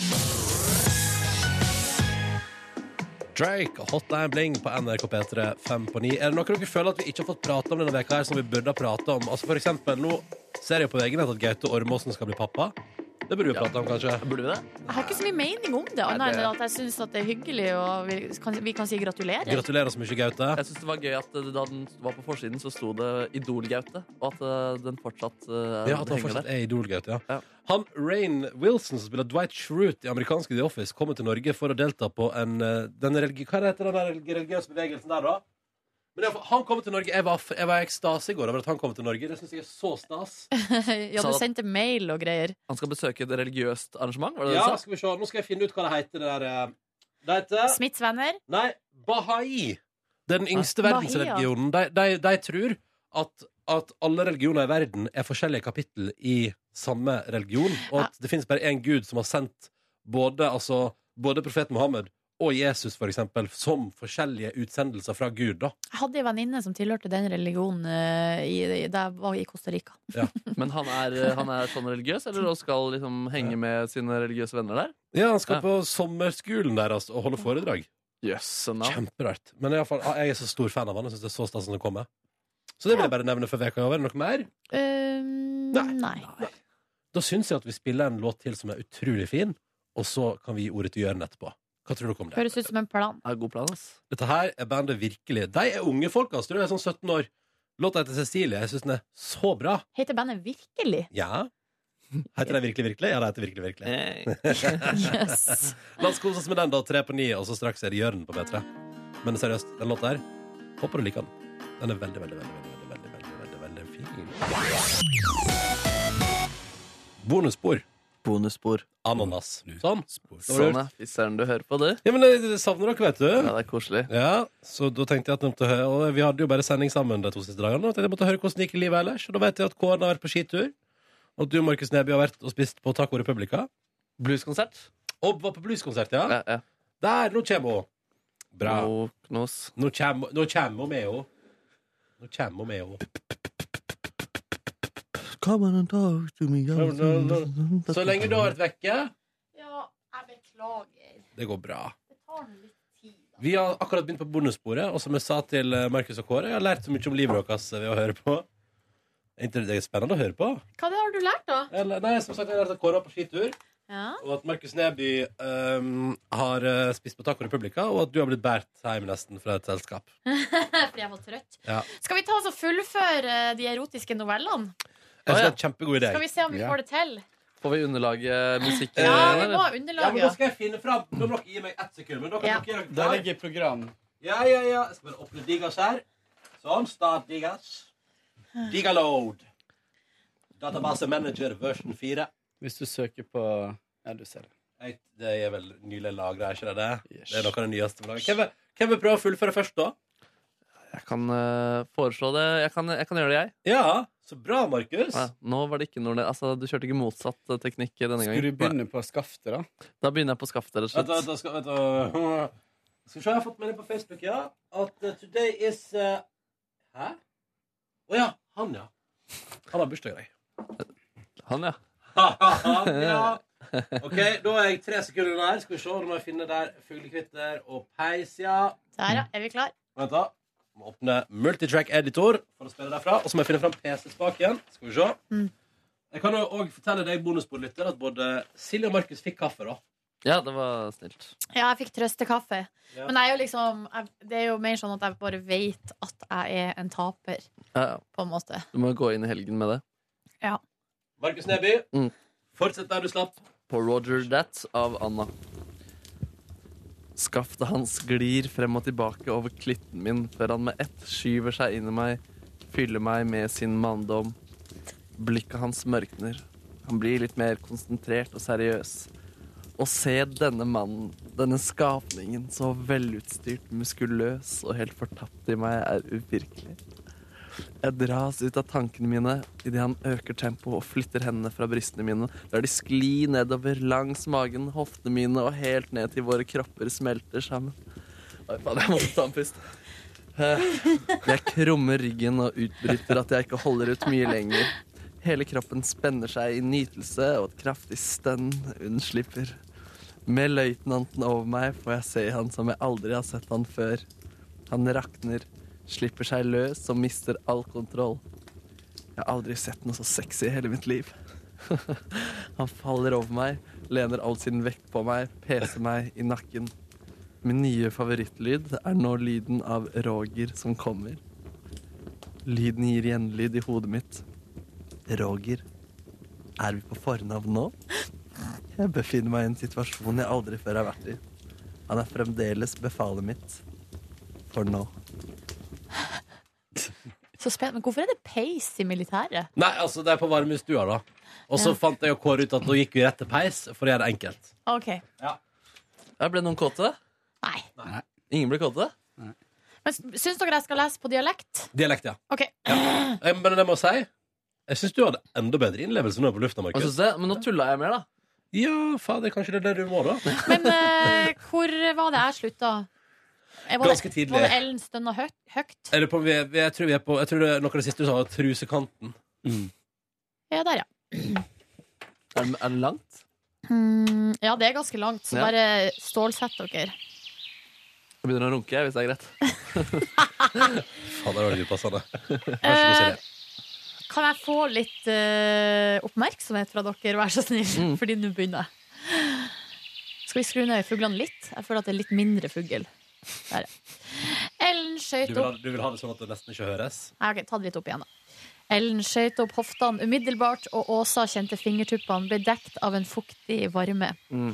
Ellen stønna høyt og trakk av seg shortsen og trusa i en rask, elegant bevegelse. Hun spredte beina vidt, og Åsa lot to fingre gli og leke over klitten. Ellen pusta tyngre og tyngre og merka at hun allerede var nær. Åsa slikka på sine egne fingre før hun med to fingre og en rask bevegelse Før hun med to fingre og en rask bevegelse fylte hun. Ellen gispa etter luft, og Åsa kunne kjenne den varme, våte, trange fitta pulsere rundt fingrene. Hun la seg med hodet mellom beina hennes, og leppene og tunga sugde, slikket og masserte Ellens varme kjønn, mens hun hele tida holdt en jevn takt med fingrene. Ellen kjente hun var sekunder unna og begravde en hånd i det nøttebrune håret til Åsa mens hun berørte sitt eget bryst med den andre. Hun kom hardt. Orgasmen raste over Ellen som 10 000 ruvende bølger bankende mot et skjær. Hun kunne kjenne rykninga av pur nytelse helt fra det tåkelagte hodet til ytterst i de krølla tærne. Svelg nå? Vet du hva, Det er faktisk litt vanskelig å simultanoversette dialekt. Ja. Jeg beklager det. Tråd av ren glede gled over beina hennes, og det prega hun, bar hun og løfta hun. Hun kom over Åsas varme tunge og våte fingre, og hun holdt henne når kroppen hennes rista og hoppa. Hun stønna ut navnet hennes, og bokstavene fyltes føltes som sukkertøy når de forlot leppene. Åsa. de lå i armene til hverandre og streik på hverandre forsiktig til de begge sovna. De snakka aldri siden om sommernatta utafor teltet. Det var kanskje til det beste. De visste begge at de aldri ville være mer enn venner, men det var likevel et minne som sto nært begges hjerter. Minnet fulgte de resten av deres liv.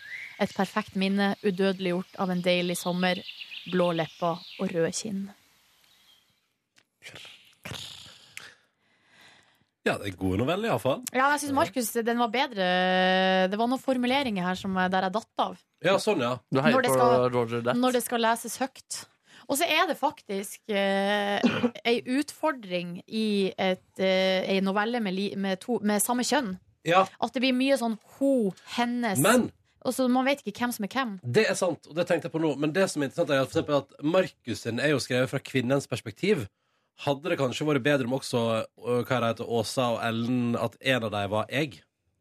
Ja, ja, det hadde nok vært lettere, ja. Ja. En av de var At, altså at det er bare jeg. Oh, ja. Mens her, Ikke Ronny. mens her er det jo en, Ho ho. en uh, utenforstående som Det blir veldig sånn distanse i en erotisk novelle at det er en sånn uh, usynlig tredjeperson som forteller. Men skal vi En creep, skal vi levere en felles eh, stemme fra, på en av dem fra P3 Morgen, da? Hva syns dere vi skal gå for? Roger Jeg syns også vi skal stemme på Roger. Da stemmer vi på den. Skal vi se. Eller han heter ikke Roger, det var novella som heter Roger Ja, hun heter Anna. Anna of the North. Da stemmer vi på eh, Roger That fra oss i P3 Morgen. Skal ikke dele det på Facebook, nei. Det er gøy om du bare ser Ronny klokka tolv på kvelden. Det stemmer på Roger. Og deler bare ho, ho, ho, ho. Kjempegod! Anbefales. Ja. Ja, ja, men Det er gøy konkurranse, iallfall. Og du som hører på podkasten, bare å bidra der, for jeg tror eh, de tar imot flere. Fram til tirsdag. Tirsdag. Så får vi se hvem som er finalister neste Det var en ting jeg, jeg vurderte å si i stad, men som jeg ikke gjorde, men på bonussporet, det passer vel bedre her. Men at um, jeg min ungdom kom jo en gang over en novelle uh, om to venninner som var på hyttetur, uh, der det ene førte til det andre. Mm. Som ble, jeg føler ble definerende i min seksuelle oppvåkning. Ja, men fordi, Da tenkte du sånn Å, shit, eh, her føler jeg et eller annet, jeg også, på et vis. Ja, men, og det var før jeg reflekterte over hva det egentlig var. Altså, Du følte? Ja, hvorfor det Ja. var akkurat den novellen som liksom uh, traff. Mm. Sant? Ja. Gøy. Ha- Har du den fortsatt? Nei, men det er nesten så jeg tror Jeg kan, jeg kan nesten huske det, liksom. Oh. Ja, Leste du den flere ganger? ja da. Ja da. Og var Silje, det er så koselig. Hæ? Hva var settingen? Nei, det var Men greia var at det var i flere deler. Så den første delen Er det vi menn følger Nå toget blir, det- nå blir det privat. Vi tåler Nei, vet dere hva det var? Det var vi og gutta. Å ja. Ehm, fordi at det, Vi og gutta var jo sånn jenteblad. Det var liksom sånn, sånn som Topp, liksom. eh, men der de en, pe- i en periode hadde erotiske noveller. Og de hadde til og med en gang et bilag med erotiske noveller. Men det var veldig rart, for at målgruppa for det her bladet var jo liksom sånn 12 12 til 16, eller sånn. Og det var veldig grafisk. Så det var, jeg husker veldig godt at hun mamma kom over. Og det var ikke sånn at jeg kjøpte jeg kjøpte jo Vi og gutta og Topp og alle sånne blad, liksom, fordi Mm. det var det man gjorde. Klippte ut uh, bilder av Johnny Depp og hengte på veggen, liksom. Eh, men når mamma kom over uh, liksom alle bladene mine, liksom, så hadde hun vel begynt å bla i de, liksom. Og da bare tok hun de! Pornosamlinger. To jentebladsamlinga mi! Jeg fikk ikke lov å ha den. Nei, ikke sant? Utrolig dårlig gjort. Men- stil. Har du konfrontert henne med det i ettertid? Nei. Mamma, Men, det eh, var definerende for min seksuelle oppvåkning. Og så bare tok du det. Hei til mammaen til Silje hvis du er på bonussporet. Det tviler jeg på at hun gjør. Hvis du gjør det, så kan du sende meg en mail der det står 'ananas'. Eh, men vet dere hva? Ja. Nå eh, skifter vi tema, og så går vi til hva dere gjorde på i går. Kåre Snipsøyr. Kåre Snipsøyr i- for eh, fort hjem igjen. Tenk at du har møtt Dexter. Hæ? Tenk at du har møtt Dexter. Tenk at jeg har møtt Det er helt, det er helt sjukt. Kan altså se bilder på min Instagram langt Men nede i feeden der. det jeg tenkte når jeg så det bildet, sånn, det kunne også vært at du sto foran en TV-skjerm, og at han var på TV-en. Ja, men jeg har mange bilder som uh, verifiserer, pluss at jeg har uh, autografen hans på programmet til uh, Teaterskift. Ja, det er veldig kult. Uh, men eh, Nei, jeg dro hjem igjen. Var kjempetrøtt og sliten. eh, for jeg har sovet så dårlig i det siste. Um, så jeg dro litt tidlig fra jobb i går. Um, og så eh, hadde jeg rester av lasagne, så jeg la det oppå ei brødskive. Det er derfor jeg har tenkt på lasagne. Ja. Ja, jeg skulle til å si det på sending i dag, men så ble det så mange element. Lag. Ja. Ja. Men det, var, det er nok derfor at eh, Kåre har planta det i din bevissthet. Og den var altså så god når jeg var og skulle handle til den etter skituren. Uh, kjente jeg jeg orka ikke lage fra bunnen i det hele tatt, så jeg laga noe sånn ferdig greier. Så- Tor eller Knorr? Nei, jeg kommer dit. Så var Tor, Toro eller Knorr? Et av, Ingen av- ingen et av av livets store spørsmål. Hva skal sønnen din hete? Toro eller Knorr? jeg tror det blir Knorr. Nei, sønnen min skal hete Dolmio, for det var det jeg endte opp med. Mm, eh, det sto, det var ei kjempehylle plutselig. Jeg leita og leita etter, etter lasagne. For det sto ikke blant an, alle de andre ferdigproduktene. Det sto blant pastaen istedenfor. Ja, Så viktig. eh, hadde de så mange forskjellige typer eh, lasagne. Jeg tror jeg kanskje hadde ti forskjellige typer ferdig lasagne. Så jeg kjøpte den pakken, en sånn familiepakke fra Dolmio som hadde både ferdig saus i pose, du trenger ikke å blande det ut engang. Oi. Ferdig tomatsaus, ferdig bechamelsaus og uh, sånne Pastaplater. pastaplater. Mm. Mm, den var faktisk veldig, veldig god. Men du må fortsatt steke kjøttet, da. Ja. Ja, og så blanda, og så varmer du det Trenger du å varme opp sausen, Nei, den du bare har den uh, på kjøttdeigen. Nei, bechamelsausen har jeg bare kald. Ja. Så det sto at du skulle legge kjøttet og lasagneplaten i lagvis, og så bare toppe med bechamel, og så ost oppå. Og det ble veldig, veldig godt. Eh, så jeg hadde rester i går. Lagde meg litt salat og litt hvitløksbrød eh, til. Mm, koste meg med det. Eh, lå på sofaen. Sov først én time på sofaen. Så våkna jeg, og så gikk jeg på soverommet og sov en time der. Og så var jeg helt død etterpå og tenkte jeg får aldri sove i kveld. Men jeg måtte bare, jeg var så sliten. Og så eh, begynte jeg å se på litt forskjellig på TV. Lineær-TV. Eh, og da så jeg blant annet på det her eh, Eventyrlige nordmenn. Ja! Guri Solberg. Hvordan var det? Eh, det var ganske OK. Det var fint. Hun var i New York og møtte en sånn dame som eh, bodde på en 700 eh, kvadratmeter stor leilighet rett ved Central Park, Åh, det med høres- den utsikta. Um, Hvordan har du altså, Nei, hun hadde, hun hadde flytta over først som uh, modell. Ja. Og så hadde hun studert journalistikk, og så hadde hun, møtt, hadde hun fått tre barn med én mann, og så hadde hun møtt en annen mann, og så hadde de fått flere. Så de hadde sju, nei, ni unger til sammen. I alle fall, veldig søt dame. Hun jobba Hmm? Nei. Ja, eh, men nei, de hadde jo mine barn, dine barn og fellesbarna. Ja, sånn. Så hun hadde gifta seg med en sånn uh, finansmann. Veldig sympatisk par, egentlig. Og, um, og hun drev og lobba og, for uh, strengere våpenlovgivning. Så Guri Solberg og hun gikk blant annet over Brooklyn Bridge sammen med Donna Karen. Designeren designen. Yes. Eh, og sånt, for de har lagd noen sånn armbånder mot eh, våpen. Eh, ja. Eh, så brukte tida si til det. da Hadde lagd noen restauranter i Harlem og litt sånt. Så wow. masse greier. Um, og så um, Og så så jeg på litt forskjellig. Så så jeg på Krig og fred. Ja. Uh, syns det er litt kjedelig, altså. Oh, ja. Jeg skulle ønske at jeg hadde likt det bedre. bedre når jeg har sett to episoder. Syns det er litt kjedelig. Um, og så um, Så tror jeg kvelden egentlig begynte å bli over for min del. Og Mhm. jeg gikk og uh, la meg og sov klokka elleve. Bra. Det er sitt Sov kjempedårlig i natt igjen. Ja. As usual. Det er ikke bra, Kåren. Men, men, ellers, det er fredag. Jeg gleder meg veldig til uh, ei rolig helg. That's Samme it. Yeah, Nebjørn, da? Nebyen, da? Neb Nebyen han dro hjem og rimelig raskt på min gamle videregående skole for å se deres eh, revy, Foss-revyen. Alltid koselig å stikke innom der. Gamle minner i huset. Jobbes jo veldig mye med de eh, revyene, derfor er det alltid gøy å uh, gå og se de. Går dit hvert år. I år fikk de den første ternekast firen på elleve år. Så Hvorfor var det vært treere og toere, da, eller? Nei. Det har, altså, det har vært seks og fem annethvert år, og nesten. Ja. Men i år var det en firer. Men den var, den var morsom, og det er gøy å høre bandet spille. Og koselig å være. Det var litt trist, fordi jeg kjente ingen som var der nå. Jeg så noen liksom perifere lærere jeg ikke hadde noe med. I Men- salen? Ja, og liksom i gangen før man går inn og sånne type ting. Ja. Fordi det- jeg har alltid, liksom, alltid hatt en eller annen Altså, jeg føler en tilhørighet til skolen, men det har alltid vært liksom folk der også, som jeg har Ja, eh, sånn, ja. møtt. Men nå var det det var ikke ett uh, menneske som jeg ikke var forberedt på å møte. Var du alene? Jeg var der med dama dame og en uh, kompis som heter Stefan. Min gode venn Stefan. Uh, og vi dro etter å ha sett den det, var, det var mye morsomt i den. Mye absurde greier som var gøy. Um, og så dro vi og så og spiste på Lofthus. Ikke den på Torshov, fordi det er åpnet ny filial på Tranen. På Alexander Kiellands plass. Mm. Jeg synes jeg lurer på om pizzaen Enten så var den litt grann dårligere der, eller så var det bare sent på kvelden. Eh, men eh, det var fortsatt veldig godt, da. Hyggelig. Hyggelig og tok én pils og dro hjem. Og var veldig trøtt. Så på Radioresepsjonen sitt nye TV-program.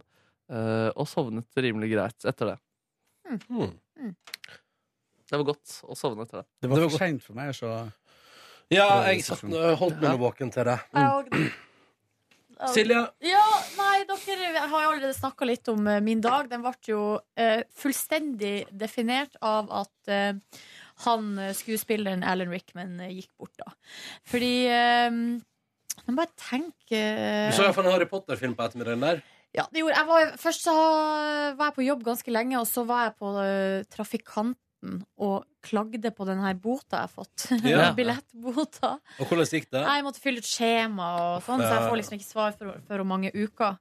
Uh, og så for jeg nå surra der jeg var på og kjøpte smoothie på Jernbanetorget og gråt hele veien rundt omkring. uh, eh, Hadde du solbrillene dine på? Nei, for det var jo 14. januar, så jeg hadde jo ikke noen solbriller. Det var jo krise. Å nei. Men greia var, og det er litt sånn rart, fordi eh, helt uten uh, skjemsel, eller hva det heter, uten skam, så, så jeg gikk jo liksom inn på YouTube og så den, mener jeg da, den mest definerende scenen med Snape på Jernbanetorget. Selv om jeg visste hva som kom til å skje. Så liksom Så gjorde jeg det. For jeg bare dreit i det. Jeg bare måtte rett inn og se. Så selv om jeg visste at det kom til å starte The Waterworks. Så eh, Skulle ønske jeg kunne la meg bevege av sånne ting på den måten. Det er for meg helt uforståelig, men jeg aksepterer det. og, så- og så kom jeg hjem, og, så, og når jeg kom hjem, så, så gråt jeg sånn skikkelig, liksom. Det var sånn ri. Eh, og, så, og, så, og så gikk det og så, og så Når det hadde gått over, så var det bare mer sånn at jeg, mens jeg så på filmen, og sånn, så kom det liksom litt sånn underveis i hele filmen. Det hjelper vel ikke å jobbe tidlig på følelsesregisteret heller. Nei, men det var en ting som jeg hadde lyst til å si om han eh, Både han skuespilleren og om den karakteren til eh, Snape. Eh, For jeg føler at det liksom sammenfaller litt, fordi de Eller det er liksom selve symbolet som jeg hadde lyst til å si på sending i dag, men jeg glemte det. Jeg ble så stressa. At grunnen til at jeg liker han så godt, er at han er veldig selve symbolet på at man ikke skal skue hunden på hårene. da Ja. Alan Rickman spiller bare, nesten bare onde roller. Ja. Uh, at han er slem. Kanskje ikke i Sense and Sensibility. eh, Der er han jo sånn, bare en sånn fri, frier, holdt på å si. Han er jo Eh, ikke ond i Love Actually, men han er litt sånn Nei, han er, ikke, han er ikke ond, men han har jo vært utro, Ja. liksom. Mm. Så han er jo ikke snill der Men Hvem er han i Love Actually, da? Han er jo sammen med Emma Thompson, og så blir han eh, Det er jo han som gir henne den der eh, CD-en, Joni Mitchell-CD-en. Ja, han, at Hun finner jo det smykket som hun tror at eh, hun skal få fra han, og så, får, så da viste det seg jo at han har kjøpt det smykket til noen andre. Mm. Så Den eh, scenen er så vond. Den, den Ja, er griner jeg ja, av hvis jeg ser den filmen.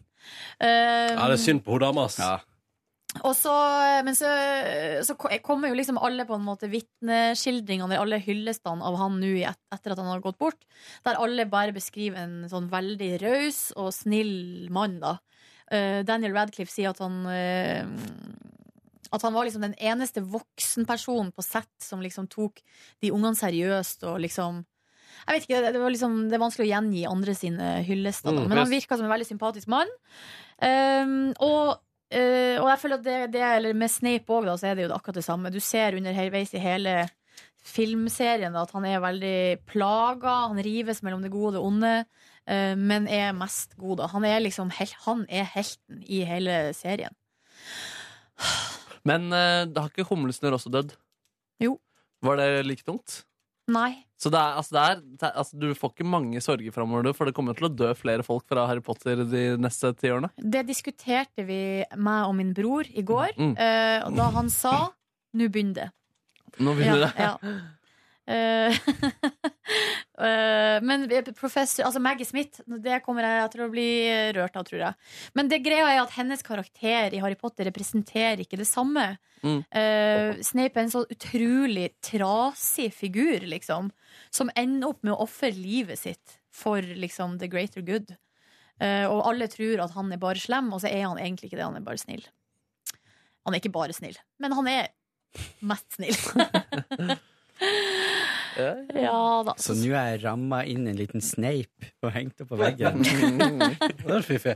Men utover eh, Grinoramaen og Harry Potter Nei, det, altså, når det der var ferdig, så var jo jeg, jeg hadde, Da var jeg helt sånn rød i ansiktet og var så sliten og hadde vondt i hodet. Og det, var- det var, altså, da var liksom løpet kjørt, da, kan du si. Så, eh, men så du Det er helt utrolig.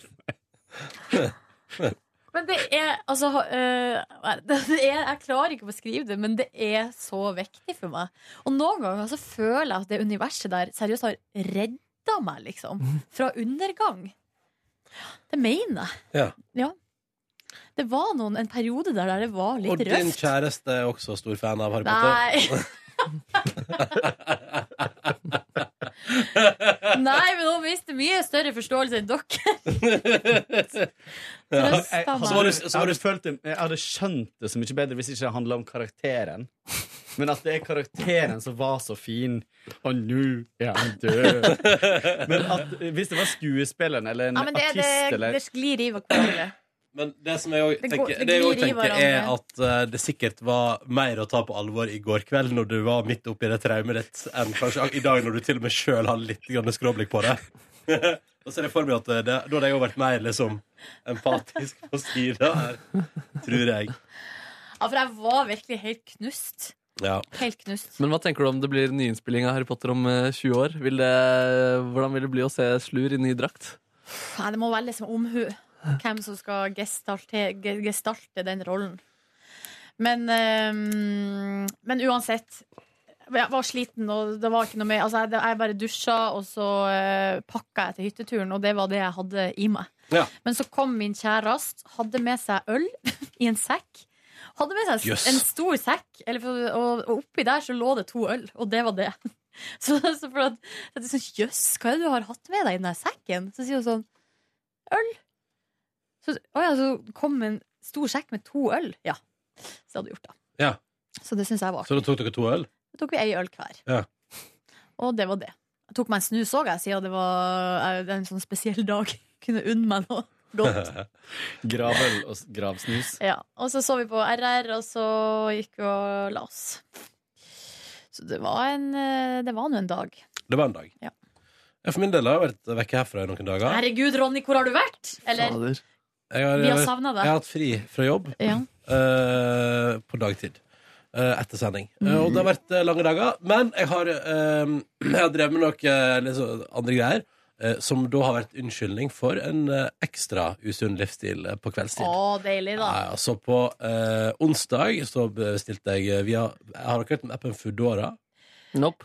Ja. De leverer mat på sykkel fra nærliggende restauranter. Oi. Eh, Så jeg bestilte meg en Munchies eh, som kom syklende hjem til meg eh, og levert. eh, Og det var deilig, og med aioli dip og fries i tillegg. Yes, hva koster liksom. den frakten der, da? Den koster jeg på er 39 kroner. jeg, For at jeg Yes. Og det er frakta fra veldig mange restauranter som ligger i nærheten av deg. Men er den varm? Ja. Jeg hadde den inni en sånn oppbevaringsting. Er det kun i ett område, eller kan jeg bruke den opp hos Du kan bruke den opp hos Da deg òg. er det vel de restaurantene som ligger rundt deg. Ja. Men det er ganske vidt område. Sånn som hos meg så kan jeg bestille alt fra Munchies liksom, og alt som ligger på Løkka, og den der Monsoon-restauranten som du, Markus, er så fan av. Kan jeg bestille, Og så kan jeg bestille helt ned til Burgerbar på Youngstorget, Lucky Bird på Mathallen, Smelteverket. Altså liksom i hele det området der, da. Og så sykler de hjem til meg. Så det er helt supert. Min kjæreste gjorde det i går. Ja. Hva gikk hun for, da, tror eh, du? Det var Munchies, det òg. Kjempefornøyd. Ja. Og de var jo tre stykker. eh, og det kosta 39 kroner med levering. Ja. Eh, og det var jo per bestilling. Ja. Så det er jo, altså, det er jo ikke, det er ikke per på en Person. måte, person. Så du, det blir jo kjempegenialt. Det er jo genialt, for det er jo både mat og trening i ett. Uh, for han som sykler. Ja. Men hun også syns skikkelig synd på han som sykler. Bare åh. Ja, ja, for det var Hvor mye tipsa du? Det håper jeg var mye. Nei, det er fordi du tipser ikke, for du betaler på appen, så de kommer jo bare å overrekke posen på døra. Det er skikkelig bummer, for det det er jo, det er jo tipsmagnet at de har sykla hjem til deg. Ja, selvfølgelig. Men uh, de overleverer bare. Og det synes jeg er litt deilig at når den maten kommer, så trenger jeg ikke finne fram kortet. Det er bare hei, hei, tusen takk. Og hvis de er skikkelig på, i siget, så spør de meg om jeg kan signere noe greier også. Men det er det. Uh, så den brukte jeg på onsdag, og da kom det altså da syk eh, Og så er det levering maks 30 minutter, er regelen deres. Og de har overholdt det ganske bra. Ja. Når jeg har bestilt derfra. Shit, det skal jeg gjøre i dag. Det er dritbra app, liksom. Så du får jo fra alt i nærområdet som passer seg. Så det er jeg veldig fornøyd med den, og har brukt den flere ganger og syns at det er en positiv opplevelse hver gang. Um, og i går så eh, gikk jeg bare på eh, min lokale Kiwi og kjøpte meg en frossen pizza og stekte den og spiste den. Uh, og så tok jeg også med meg en liten pose smågodt hjem. og kosa meg litt med det også. Uh, så det var liksom Det har vært veldig rolige dager. Skal jeg prøve å komme på gjorde noe fornuftig på tirsdag? Nei, det kan jeg umulig tenke meg at jeg gjorde. Uh, men jeg er en litt sliten dude som gleder meg veldig til helg.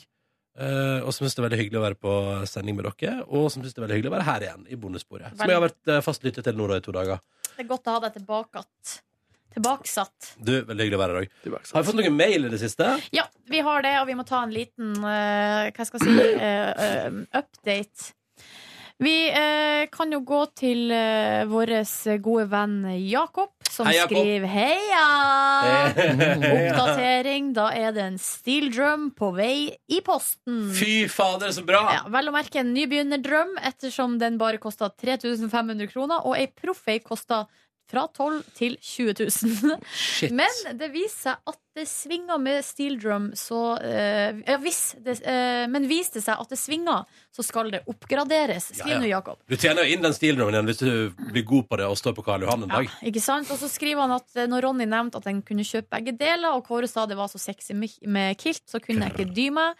Så kilt, sekkepipe og steel drum er på vei i posten. Fy faen, er det sant? Oppdateringsvideo kommer ved en senere anledning. Å gud, jeg gleder meg. Um, Å ja, herregud, jeg gleder så står det, og Markus, hvis du trenger en steel drum-kontakt, er det bare å ringe. Ja, det er perfekt, ass. Jeg gleder meg til å se det også. Og se nivået ditt. Hadde ikke det vært gøy? Det, men dere burde jo hatt den nå, og, og stått på Karl Johan og sjekka om man kunne gitt folk litt sånn varme i sjela. Med steel drum, ja. med tropiske lyder fra steel drum.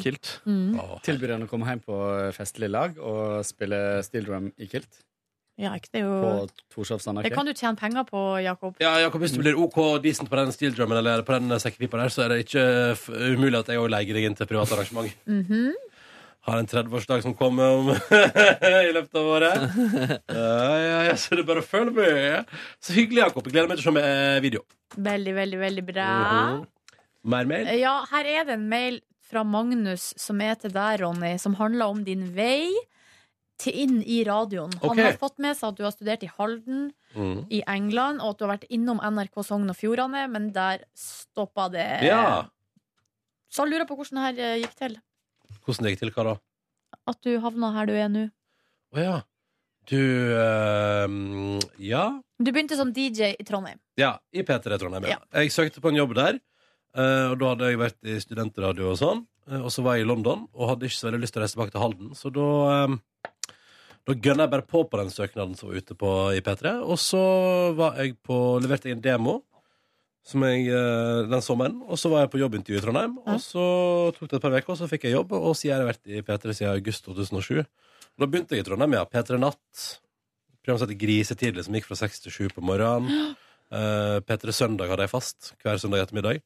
Eh, og så var det Og det sånn programmet som heter Ronny, det var jo i DJ-flate, var det ikke det primært? Jo, altså, da jeg begynte i P3, så hadde man uh, ikke det P3-kodeordet på SMS. Så jeg hadde jo Ronny til 1987. Mm. Og Ronny er etter NRK.no for å sende inn ønskelåter og sånn. Ja, riktig. uh, og så hadde jeg jo òg et program som heter Ronny, som var vikar for det som nå er Kristine. Var det Marte som var da, eller? Da var det Popsalongen? Nei, det var Popsalongen med Siri og eh, ja. Kristoffer? Siri, hvem? Siri Knutsen, som nå jobber i P13. Eh, og så eh, var jeg òg inne og sa hallois. Uh, da var jeg ganske ny da jeg uh, fikk den telefonen en uh, sein kveld med spørsmål om jeg kunne være vikar for Mina. Mm. Eh, og jeg sa det kan jeg godt være. Det er så spennende. Og tenkte så wow, skal sende på dagtid på P3 og live, og det blir spennende. Og jeg hadde vært i jobben i en måned. Eh, og så våknet jeg dagen etterpå til at uh, hun hadde fått sparken. Og at det var derfor jeg måtte være vikar. Å nei! Det var en litt rar dag på jobb. For en utakknemlig oppgave. Nei, men Det var greit, og de var veldig snille med meg. Og jeg fikk egen produsent som sila SMS-innboksen for hat, og det var topp. Så skriver Magnus her eh, Virker som du kan det meste innen radio. Tippa du kunne drevet en radiokanal på, e- helt på egen hånd. Uh, og det tenker jeg sånn rent faglig sett, sett så kunne du jo det. Nei. Jo. Ja, altså, du vet jo hva som trengs, og så må du jo sånn, ja. delegere, selvfølgelig. Ja. Drift. Dri, altså, Ja, sånn, ja. Men vet uh, men det er, noe prosje- det er noe logistikk, noe ansvar, noe, uh, noe uh, personal. Det er noe personalansvar der som, Oh. som du kanskje burde delegert til noen Skal ikke bli leder, vet du. Lønnsforhandlinger burde du gitt til Ja. Ronny bare Ja, ja, ja, ja, ja, ja, Bare ja, si ja, et ja, tall. ja, Bare si et tall. 500 000 opp, ja, det går bra, det. Ja. Men hva var eh, lokalradiogreiene? Hæ? Hva var lokalradiogreiene? Mm, Ja, nei, det, det Jeg var i Jo, altså, det var litt styring hjemme i Sogn og Fjordane. Det er ikke det beste lokalradiomiljøet der.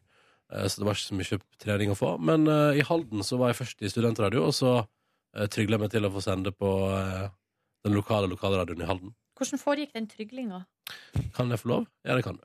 Please. Men eh, hva slags program var det? Var det du som var i studio alene, eller var det med Du- venner? Nei, det var jeg og en som heter Kjetil, som hadde kveldsprogram en dag i veka eh, som vi kalte for Pledd.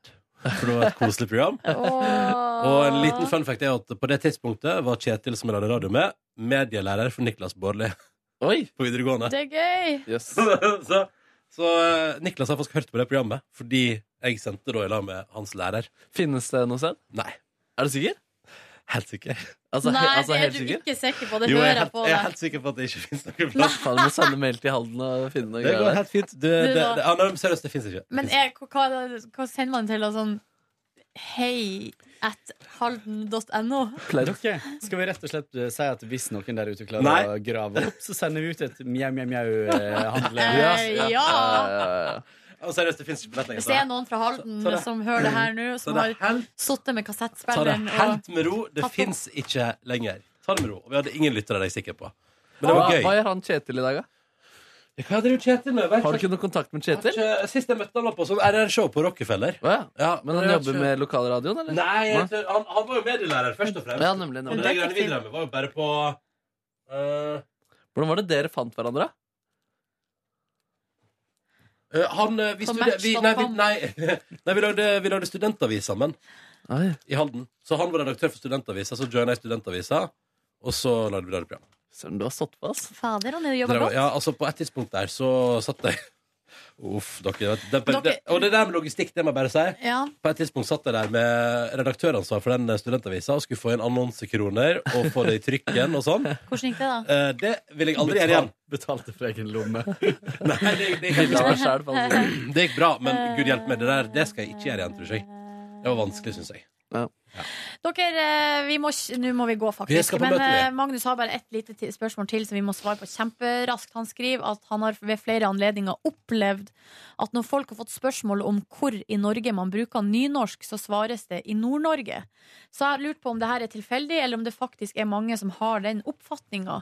Siden dere har representanter både fra nord- og nynorskland, eh, så lurer jeg på om dere har noen erfaring rundt dette.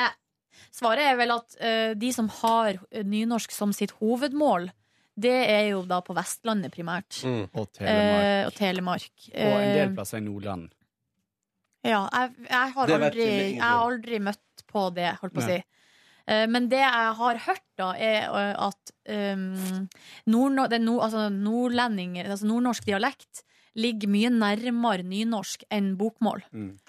Um, Det er mulig at det her var før i tida, altså. Muntlig. Når jeg var ung. Visste alt. Lo Vi må ta resten av spørsmålene på mandag. Ja. Men eh, god helg, da, folkens. Ja, god helg. Og god tilstand. God tilstand. Hør flere podkaster på nrk.no podkast. P3.